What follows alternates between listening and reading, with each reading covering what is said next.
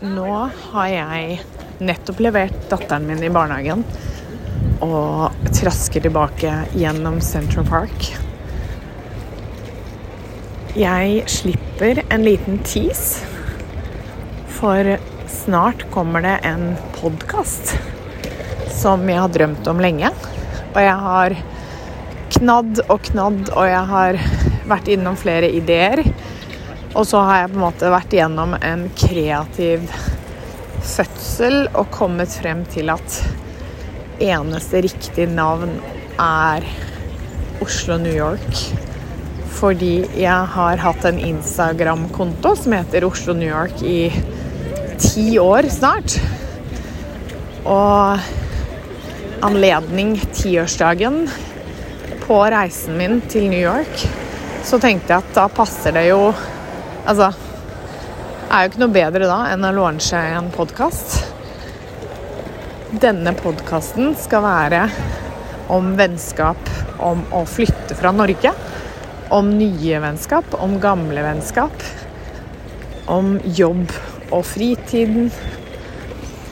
Om jobb og fritid. Gamle og nye vennskap. Det å flytte fra Norge velferdsstaten. Det er jo helt sykt, er det ikke? Hvem er det som gjør det, da? Så billig barnehage.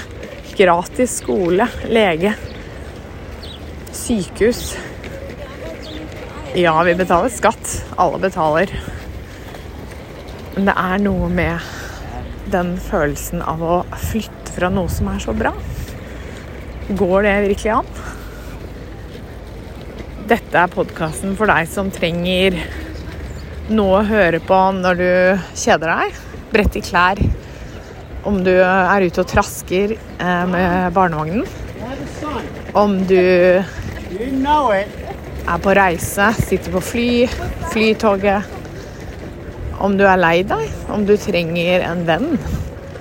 Eller om du bare er nysgjerrig på hvordan det er å leve sånn som jeg gjør. Midt på Manhattan i New York. Dette er bare en liten tease som jeg skal slippe uten å gjøre noe annet enn å slippe. Den passer fint å avslutte man går forbi en som synger midt i parken. Hi, Barbie.